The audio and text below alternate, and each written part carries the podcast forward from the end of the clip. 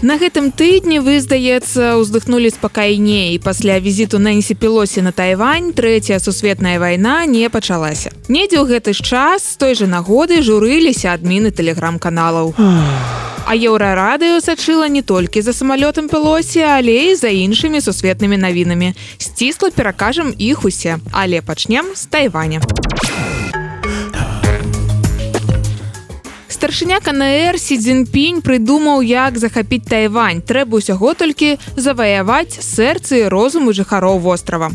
Гучыць куды як больш хітра чым проста заваяваць тайвань дарэчы заваёўваць сэрцы розумы плануюць не толькі на тайване але яшчэ і ў макао і гонконгу. Працаваць на гэта заваяванне будзе так званы аб'яднаны фронт. Неабходна прыкласці намаганні каб умацаваць шэрагі патрыётаў за мяжой і дапамагчы большай колькасці замежнікаў зразумець і стаць дружалюбнымі ў адносінах да Китая цытуе старшыню КНР сі дзіньпіня CNN са спасылкай на агенцтва сіньхуа.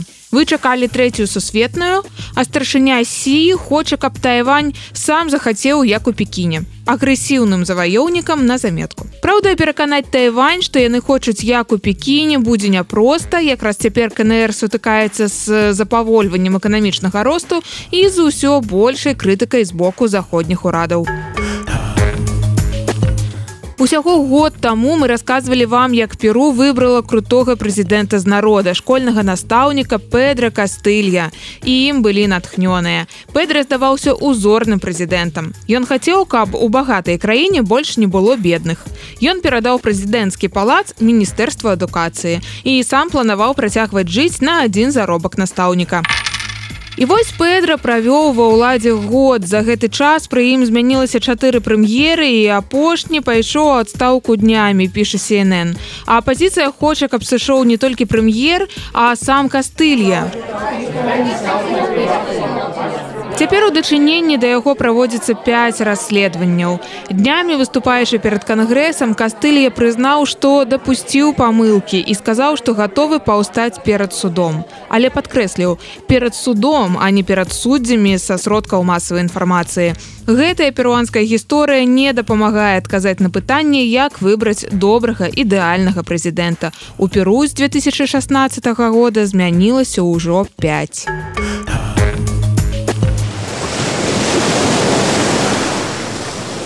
Да добрых навінаў першае судна са збожжам пакінула на гэтым тыдні украінскі порт піша BBC а для свету гэта значыць што глобальнага голаду пакуль не будзе.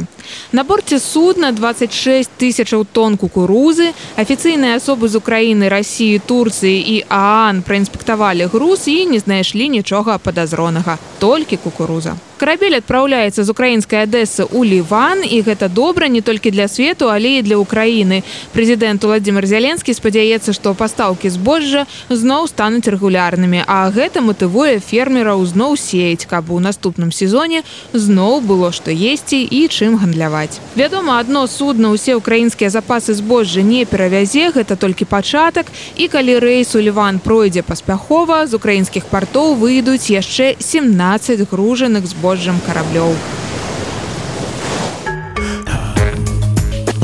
Яшчэ трохі пра лівану, які наўпрост цяпер плыве ўкраінскае збожжа.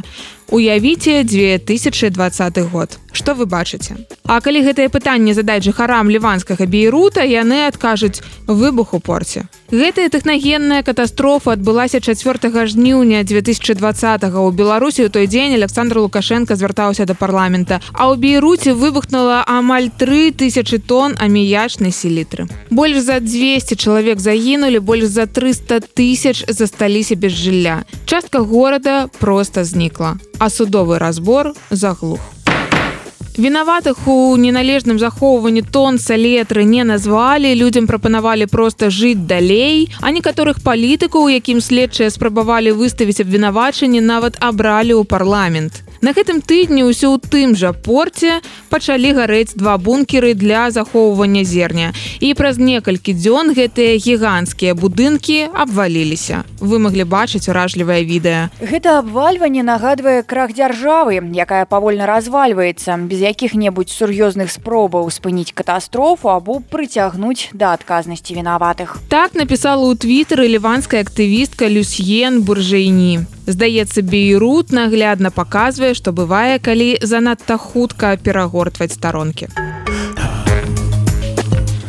І працягваем тэму работы над памылкамі. Уилл Смит на гэтым тыдні паказаў, што прасіць прабачэння ніколі не позна. Відэа выбачэння Сміта апублікавала Рэйтерс. На відэа актор кажа, што глыбока раскаиваецца ў тым, што ударыў па твару ў жывым эфіры коміка крыса рока. Таго самага вядоўцу цырымоніі Оскар, які няўдала пажартаваў пра жонку Сміта. Актор кажа, што спрабаваў пагаварыць з комікам асабіста, але атрымаў адмову. Крыс, Я прыношу табе прабачэнне. Мае паводзіны былі непрымальныя. Я гатовы пагаварыць, калі ты будзеш гатовы. Уилл Смит граў ну вельмі крутых хлопцаў і паказвае, што па-сапраўднаму крутыя хлопцы просяць прабачэння.